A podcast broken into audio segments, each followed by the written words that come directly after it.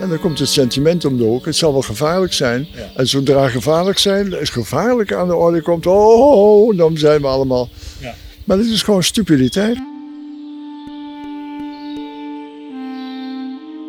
Je luistert naar de podcast Bomen over Bos, aflevering 1.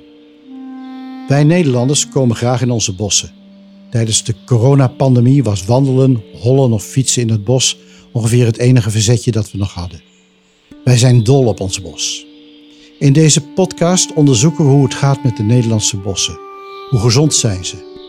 We, dat zijn Sander Koistra en Jan Westerhof. We praten met experts en gebruikers om erachter te komen of klimaatveranderingen gevolgen heeft voor het bos. Bos is natuur, houtproductie en recreatie. Hoe gaan we om met die verschillende functies? Van tijd tot tijd bereiken ons via de media alarmerende berichten over verdroging door klimaatverandering. Is de Beukelaan nog wel een Beukelaan als er geen beuken meer staan? Die vraag zal zich op steeds meer plaatsen opdringen, want de beuk heeft het zwaar. Droogte, klimaatverandering. Op veel plaatsen moeten de bomen worden gekapt. Een beukenlaan is geen beukenlaan meer als er geen beuken staan.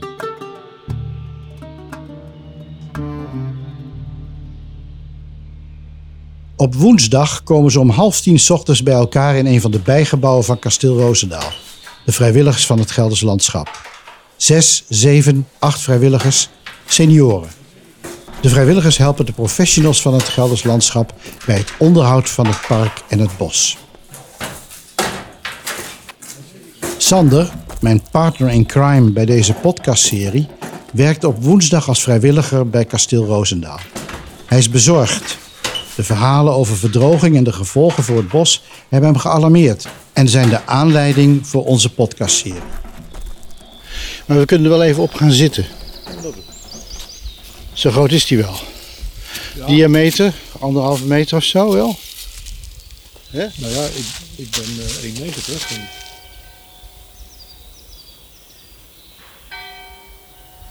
Hey Sander, uh, waarom gaan we deze podcast maken? Uh, nou, ik weet niet hoe het bij jou zit, maar uh, ik maak me wel een beetje zorgen.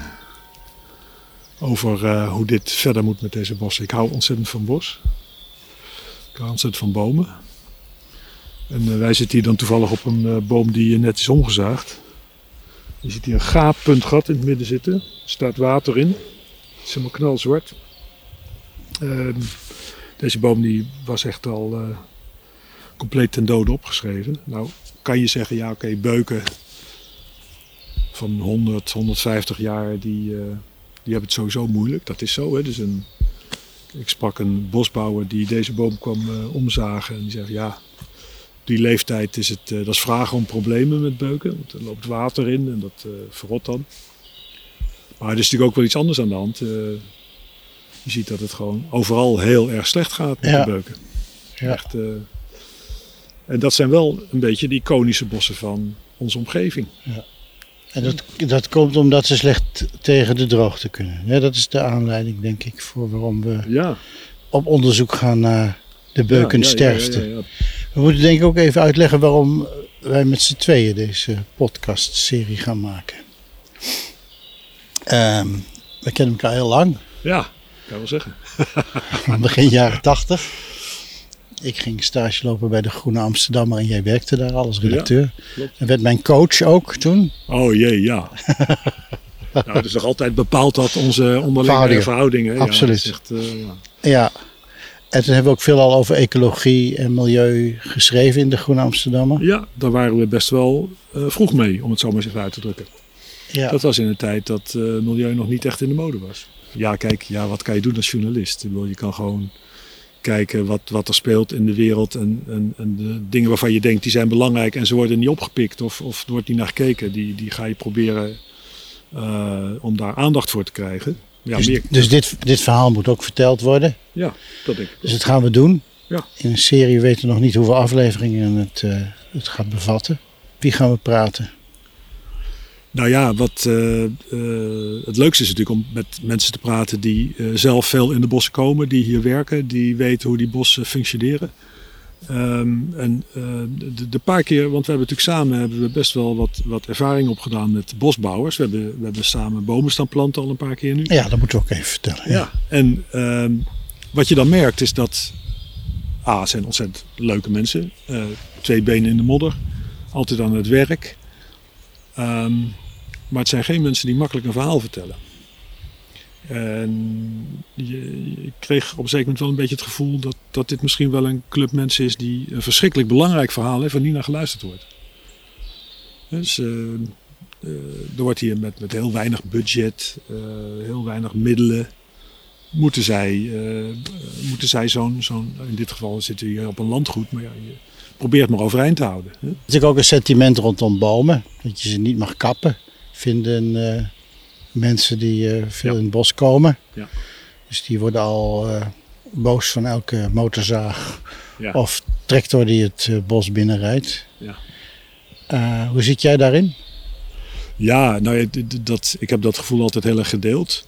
Je had vroeger, ik weet niet eens of het nog bestaat, had je een bomenstichting die eigenlijk als voornaamste doel had, en misschien nog wel heeft, om het kappen van bomen te voorkomen. En daar dacht ik altijd van, ah, wat een supergoed doel. En als je met uh, bosbouwers gaat praten, dan krijg je een totaal andere kijk op, op hoe zo'n bos werkt. Uh, want die gaan op een zeker moment om zich heen kijken van ja, welke bomen willen wij graag dat, dat ze groot en dik worden. En welke bomen staan er dan in de weg? Nou, die bomen die in de weg staan, die halen we eruit. Dat heet uh, dunne. En dat staan ze dan te doen. Staan ze perfect gezonde bomen, staan ze weg te zagen. Maar dat zit wel een idee achter. En soms gaat het ook inderdaad over houtopbrengst. Ja, ik, ik ben een zoon van een timmerman. Mijn vader had een timmerfabriek in Apeldoorn. Dus ik, ik heb in mijn keuken nog een mooie foto hangen van hoe die timmerfabriek er van binnen uitzag. was van mijn opa en mijn oom en mijn vader staan erop. Daar zie je alleen maar planken, ruw hout. Ja. Toen bestond nog geen plaatmateriaal, geen spaanplaat en, uh, en alle andere producten die erna zijn gekomen. Mm. Dus ik heb ook nog wel ergens het oergevoel van bomen zijn ook hout. ja, daar heb je hartstikke gelijk in. En als kind speelde ik bij, uh, vlakbij die fabriek had je een werf van de Wijma heette dat volgens mij, uh, zeg ik uit mijn hoofd. Dat was een bedrijf dat weer de er boomstammen verhandelde. En daar kon je ook op spelen. Dus ik heb ook nog wel dat gevoel van, ik hou van hout. Ik vind hout mooi. Ik vind houten meubels mooi, houten kasten, houten vloeren. Mm -hmm. uh, dus ik heb er wat... Uh, moet ik nou zeggen, gemengd gevoel erbij. Dus ik vind bomen ook, zijn ook een product. Hè? Ja. Dus ik hou, ben dol op het bos. Maak me grote zorgen ook. Ja. Over wat, ik, wat je gewoon met je eigen ogen al kunt zien. Daar hoef je ja. helemaal geen expert voor te zijn. Dus ik denk dat we een belangrijke zoektocht gaan doen. Ik heb daar uh, ontzettend veel zin in. Ik ook.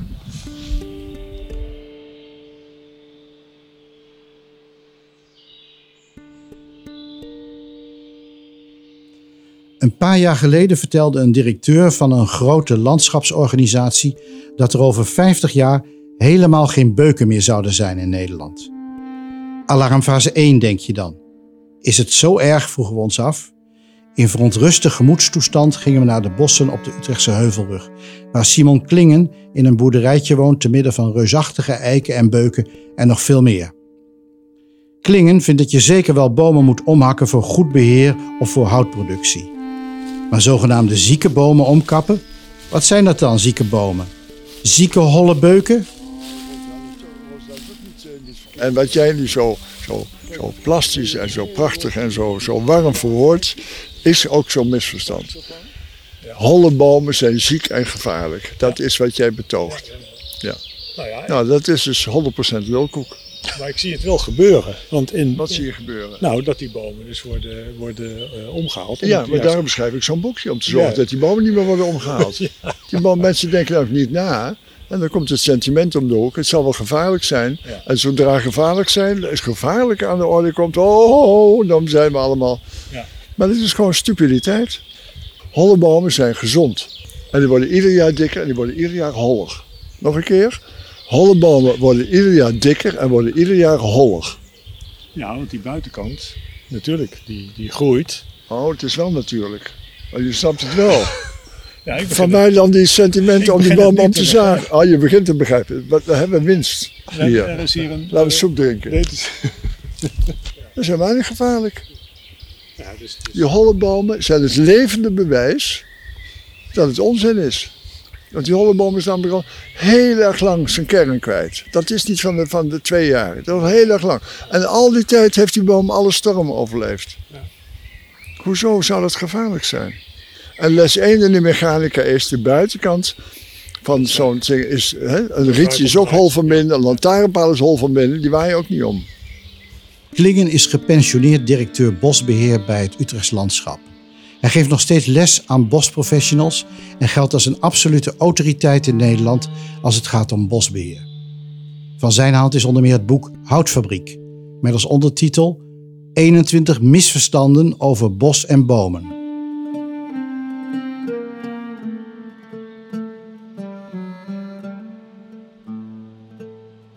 De meest voorkomende boomsoort is de eik. Ook omdat de gaai de eiken heel makkelijk verspreidt. Dus eh, als er ergens in een dennenbos en, en, de oude eiken staan heel ver weg, kom je, kom je toch nog zo nu en dan hier en daar een eik tegen.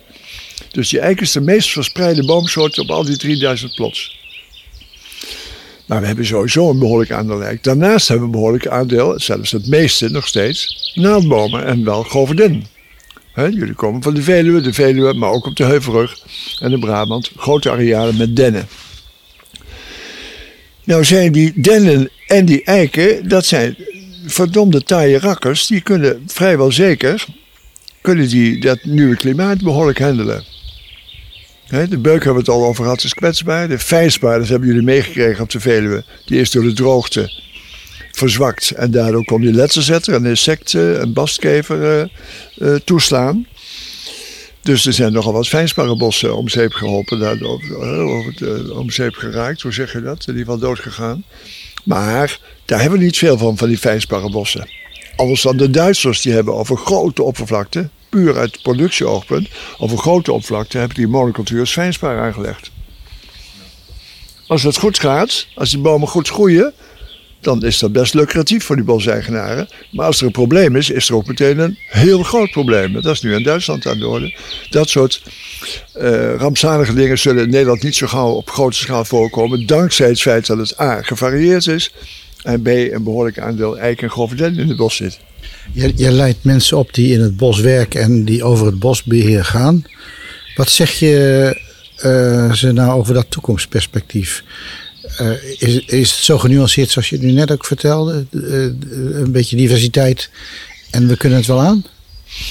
Ja, dacht je nou dat ik tegen jullie hele andere dingen zou zeggen dan tegen die bosprofessionals? Nee, natuurlijk, dit is het verhaal. Maar, en dat is niet nieuw voor ze, maar dat, daar help ik ze wel in om, om, om daar verder nog in, in te denken en te werken zorgt dat je gemengde bossen maakt en overal de kans krijgt. Kijk, ik, ik zal een voorbeeld noemen. Als je een, dennenbos hebt staan met behoorlijk veel rechtse stammen. En er staan, laten we zeggen, 10% in dat dennenbos staat 10% eiken. En die eiken hebben in die situatie bijvoorbeeld, die zijn een beetje krommig en takkig. Die zijn dus voor de productie niet interessant. Dan zou je, als je puur met een productieoog uh, uh, naar het bos kijkt, zou je kunnen zeggen, ja, die kromme eiken zijn niet interessant. Maar als je met het open van biodiversiteit, maar nu dus ook nog met het open van klimaatflexibiliteit en, en zekerheid en spreiding van risico's en, en uh, er naar kijkt, zul je ook die kromme takkige eiken een plek geven in het bos en hier en daar wat dennenwegzagen, rechtse dennenwegzagen, ten faveur van die eiken. Dus de doelstelling uh, in de doelstelling neem je nu steeds meer mee, zonder aanzien des booms, dat je, ook, dat je ook zorgt dat je in ieder geval zorgt dat je menging krijgt. Ben je gerustgesteld, Sander? Nou, een beetje wel. Ik, ik, vraag me dan, ik, ik vraag me toch ondertussen wel af. Uh, moeten we dan ook gericht andere soorten bomen gaan planten? Ben je, ben je daar een voorstander van? Ja. Uh, er zijn uh, allerlei initiatieven van, bij Staatsbosbeheer, maar ook bij de, bij de mannen en vrouwen van de bosgroepen. Alle initiatieven die worden ook door de overheid wat gestimuleerd, ook in het kader van, van het nationale bosbeleid. om klimaatbestendige bossen te gaan maken. En dan worden, voor een deel wordt er gekozen om daar boomsoorten te gebruiken die uit zuidelijke streken komen of zelfs uit Amerika. In ieder geval op plekken waar de, de, soorten die gewend zijn aan de warmere omstandigheden en droge omstandigheden. Ja, dat is natuurlijk verstandig en, en goed. En het is sowieso goed om daarmee te experimenteren. Maar ik heb daar twee, uh, ik maak daar twee kanttekeningen bij. Uh, bos is traag. Wij kunnen nu wel bedenken dat we een ander bos willen, dat we een klimaatbestendiger bos willen, of dat we andere boomsoorten willen, of, of whatever. Dat kunnen we willen, moeten we ook hier en daar wel doen. Maar de, de, effecten ervan, of de resultaten ervan, zien we pas over 50 jaar. 50 jaar, dat is natuurlijk een tijd, hè? En dus de verandering van het Nederlandse bos, dat tempo heeft, heeft, staat, is, houdt natuurlijk de klimaatverandering niet bij. Wat we nu de afgelopen 10, 20 jaar een klimaatverandering hebben meegemaakt, dat is natuurlijk gigantisch. Nou, en de voorspellingen zijn ook dat dat nog wel even doorzet. Dus bos zal altijd, je bent altijd te laat met de bos. Dat ligt niet aan de bosbeheerders of het ligt niet aan de bos, maar het is gewoon de aard van de bomen. Die hebben gewoon 50 jaar nodig en eigenlijk 100 om tot de volwassenheid te komen. Nou, de klimaatverandering gaat veel sneller. Dat is één. En het tweede is, dat ligt in de lijn, bos is traag. Als we een ander bos zouden willen, ja, we gaan nu niet hele grote stukken bos omkappen, omdat we zo nodig een ander bos willen hebben. Want wij hechten zo ontzettend, en terecht en begrijpelijk, met goede motieven, wij hechten zo aan dat bos wat we hebben. Was gisteravond, gaf ik een lezing in de, in de Renkumse Beek. Ja. Um, dan zeggen ze van ja, of tenminste, daar kwam ter sprake. De beken zijn eh, al een hele tijd lang eh, behoorlijk droog. We zouden eigenlijk veel meer boven. Want die bomen die verbruiken nogal wat water. Zeg, ja, maar zo is het precies. Die bomen verbruiken water. Zullen we dan het bos van de Veluwe maar, uh, maar omhakken? Dan hebben we weer water. Nou, daar heb je, daar heb je het dus. Het, het, moet gekozen worden. Die beken vroeger, hè, met die watermolens en met die papierfabriek en zo, die, komen er, die zijn daar gekomen omdat er veel kaal was. En al het regenwater wat er viel, dat ging via die beken, met een veel hoog grondwaterpeil, ging via die beken, ging dat naar de randen van de, van de Veluwe. ik heb vrienden die zitten in die bekerstichting, die zouden dat ontzettend graag willen, dat die beken wat meer watervoerend zouden worden. Ja, haal je de don, dan moet je dus bos opruimen. Nou, daar maak je niet meteen vrienden mee op de Veluwe. Door het bos op te zagen. Zelfs als je hier en daar een boom omzaagt, beginnen mensen al bezorgd, uh, al niet uh, terecht te piepen. Dus als je hele stukken bos weghaalt, omdat je die beken wil watervoerd wil maken, dat uh, gaan we niet willen. Kan het, het bos een bijdrage leveren aan, aan hoe we het, de klimaatverandering moeten verdragen in Nederland? Kijk, bos heeft en het, bos heeft een, heeft een eigenschap dat het groeit en dat, het, dat er wordt hout geproduceerd. Hè. Kom je meteen bij de titel van mijn jongste boek, Houtfabriek. Het bos is een houtfabriek. Dat is interessant, want er gaat namelijk CO2 in. Hé, hey, daar hebben we te veel van. Dus dat komt goed uit. En er komt hout uit. Hé, hey, daar hebben we te weinig van. Daar hebben we nooit genoeg van, van hout. Dat komt mooi uit. Dus het bos is een hele dienstbare houtproducent. Willen allemaal hout gebruiken. Dus in die zin is het gunstig dat het bos CO2 opneemt. er is sowieso heel veel koolstof vastgelegd, maar er wordt dus CO2 opgenomen. En als je dat hout nou een goede langdurige bestemming geeft, bijvoorbeeld in meubels of in vloeren of in constructies van, van, van huizen, gebouwen, dan onttrek je dat dus heel lang aan het systeem. Dus dat is een pluspunt. En maar bovendien over waar je hout gebruikt, heb je geen staal en geen beton nodig. Nou, jullie kennen die grafiekjes wel, of ze kunnen er iets bij voorstellen. Bij de productie en het vervoer van beton en van staal nog veel meer en van aluminium komt, is heel veel energie nodig en dus komt er heel veel CO2 daarmee in de lucht in. Bij hout is dat niet aan de orde, zelfs het tegenovergestelde. Dus uit klimaatoogpunt is het gebruik van hout goed. Nou, ten aanzien van het bos, ja, dat betekent dus dat je ze nu dan eens een keer wat bomen moet omzagen. En daar iets moois van moet maken. En dus het idee wat sommige mensen hebben dat het omzagen van een boom dat er slecht is voor het klimaat, nou dat valt behoorlijk wat op af te dingen. Te meer daar een oud bos langzaam maar zeker bij het toenemen van de ouderdom steeds minder gaat groeien. En op een moment is het handig om dat bos om te zagen. Dat kan op grote schaal, het kan op kleine schaal. Dat bos om te zagen en dat ze vervangen door jong bos. Want jong bos groeit meer en legt dus meer CO2 vast. Of neemt meer CO2 eh, op en legt dus meer koolstof vast. Dus je conclusie is eigenlijk, we zouden het bos nog meer als een houtfabriek moeten zien.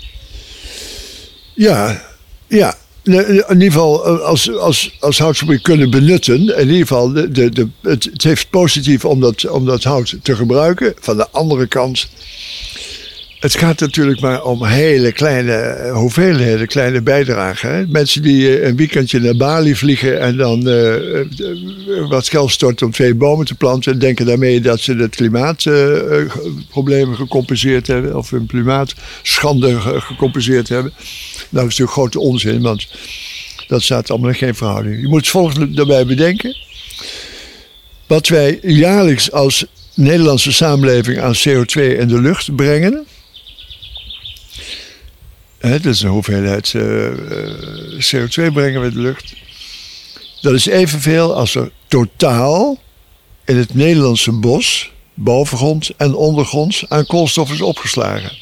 In bossen die in een paar eeuwen ontstaan zijn. Precies. Er zijn dus bomen, eh, die bomen en die bossen die er staan, die zijn, laten we zeggen, in 100 jaar gevormd. 100 jaar geleden was Nederland grotendeels open en kaal, 150 jaar geleden. Wat er in de 100 jaar is gevormd, bovengronds en ondergronds. Ondergronds zit ook heel veel. Alle koolstof die daar is opgeslagen, die is dus gevormd uit CO2 uit de lucht opgenomen. Dat totaal wat daar is vastgelegd, is evenveel als wij jaarlijks, mind you, jaarlijks met z'n allen uitstoten. Nou, dat geeft aan de betrekkelijkheid van bos en bos aanplant ter, als, ter compensatie van de, van de uh, uitstoot van CO2. Als je echt iets aan het klimaatprobleem wil doen, moet je dat aan de, uh, aan de inputkant doen. Hoe zeg je dat? Uh, dan moeten we onze consumptie verminderen. Dat is vele malen effectiever dan bomen planten. Er is best wel een groot plan geweest, hè, een aantal jaar geleden, om, om, om heel fors te investeren in, in bosbouw. Ik, miljoenen bomen werd over gepraat, duizend hectares. En, en nog altijd zit dat volgens mij in het Nederlands beleid. Dat wij veel meer bos zouden gaan aanleggen. Uh, maar we zien het alleen niet gebeuren. Dat we meer bos in Nederland willen hebben. We hebben op dit moment 11% bos. En de ambitie is om dat met 10% te verhogen. Dan kom je ongeveer op 12% van de landsoppervlakte die bos zou moeten worden in 30, 40 jaar. Zoiets hè? Prima beleid. En is een hele goede reden om meer bos aan te leggen. Maar ik stel dat het netto bij ons klimaatprobleem maar een hele kleine bijdrage levert. Nou ja, en bij die getallen moet je natuurlijk altijd even, nog even goed nadenken en even doorvragen. Ja, miljoenen bomen, dat klinkt natuurlijk heel geweldig, hè? Provincie Limburg had een, een voor iedere inwoner, uh, iedere, binnen 20 jaar, iedere inwoner twee bomen of zo. Potverdorie, zo'n miljoenen bomen erbij. Klinkt natuurlijk geweldig.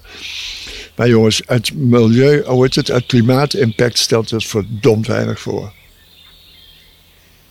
En moeten we gewoon minder, we moeten gewoon minder uitstoten.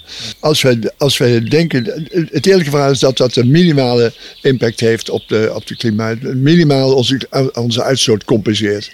Je moet dit bedenken, als wij onze uitstoot zouden willen verminderen. Voor 10%, dat klinkt toch niet onhaalbaar hè? Jij, je gaat 10% minder auto rijden, 10% minder douchen en noem maar wat. Hè? 10% minder consumeren waar uitstoot aan verbonden is.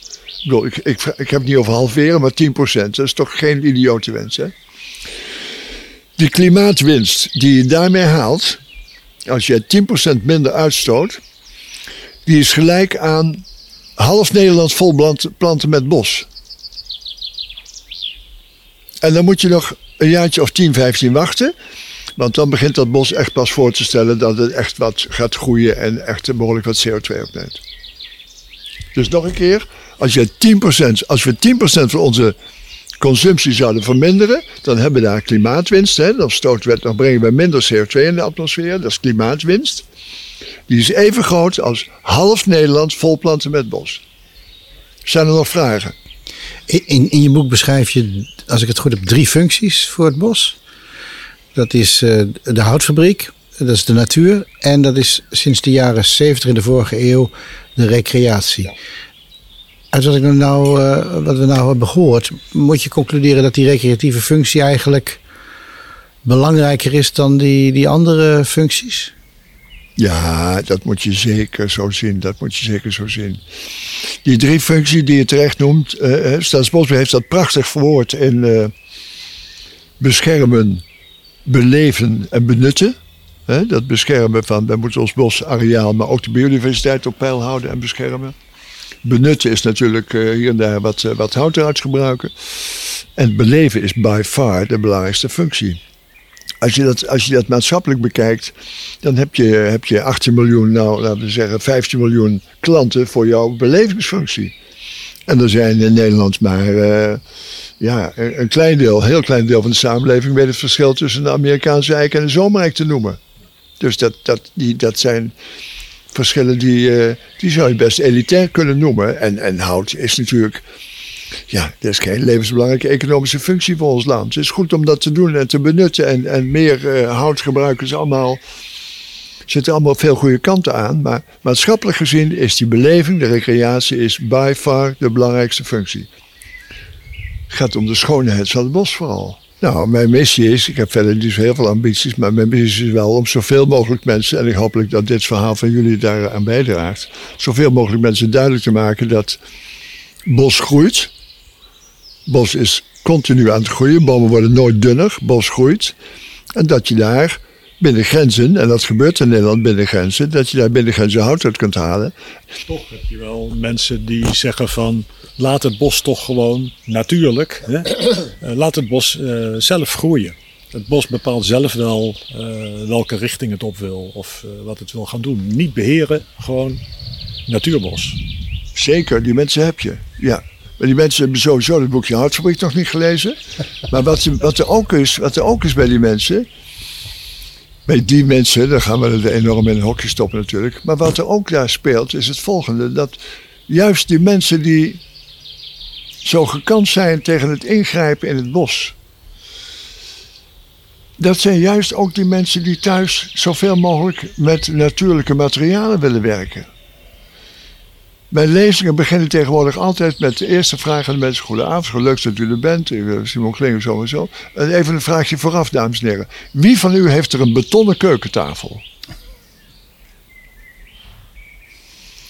Dan is het inderdaad even stil. En dan denk je van, wat een rare man is dit, zeg, een betonnen keuken. Natuurlijk heb ik geen beton. Nee, mensen hebben namelijk allemaal een houten keukentafel. Oké. Ah, u heeft een houten. Dan kan ik u vertellen, voor die houten keukentafel van u is ooit ergens een gezonde, dikke boom omgezaagd.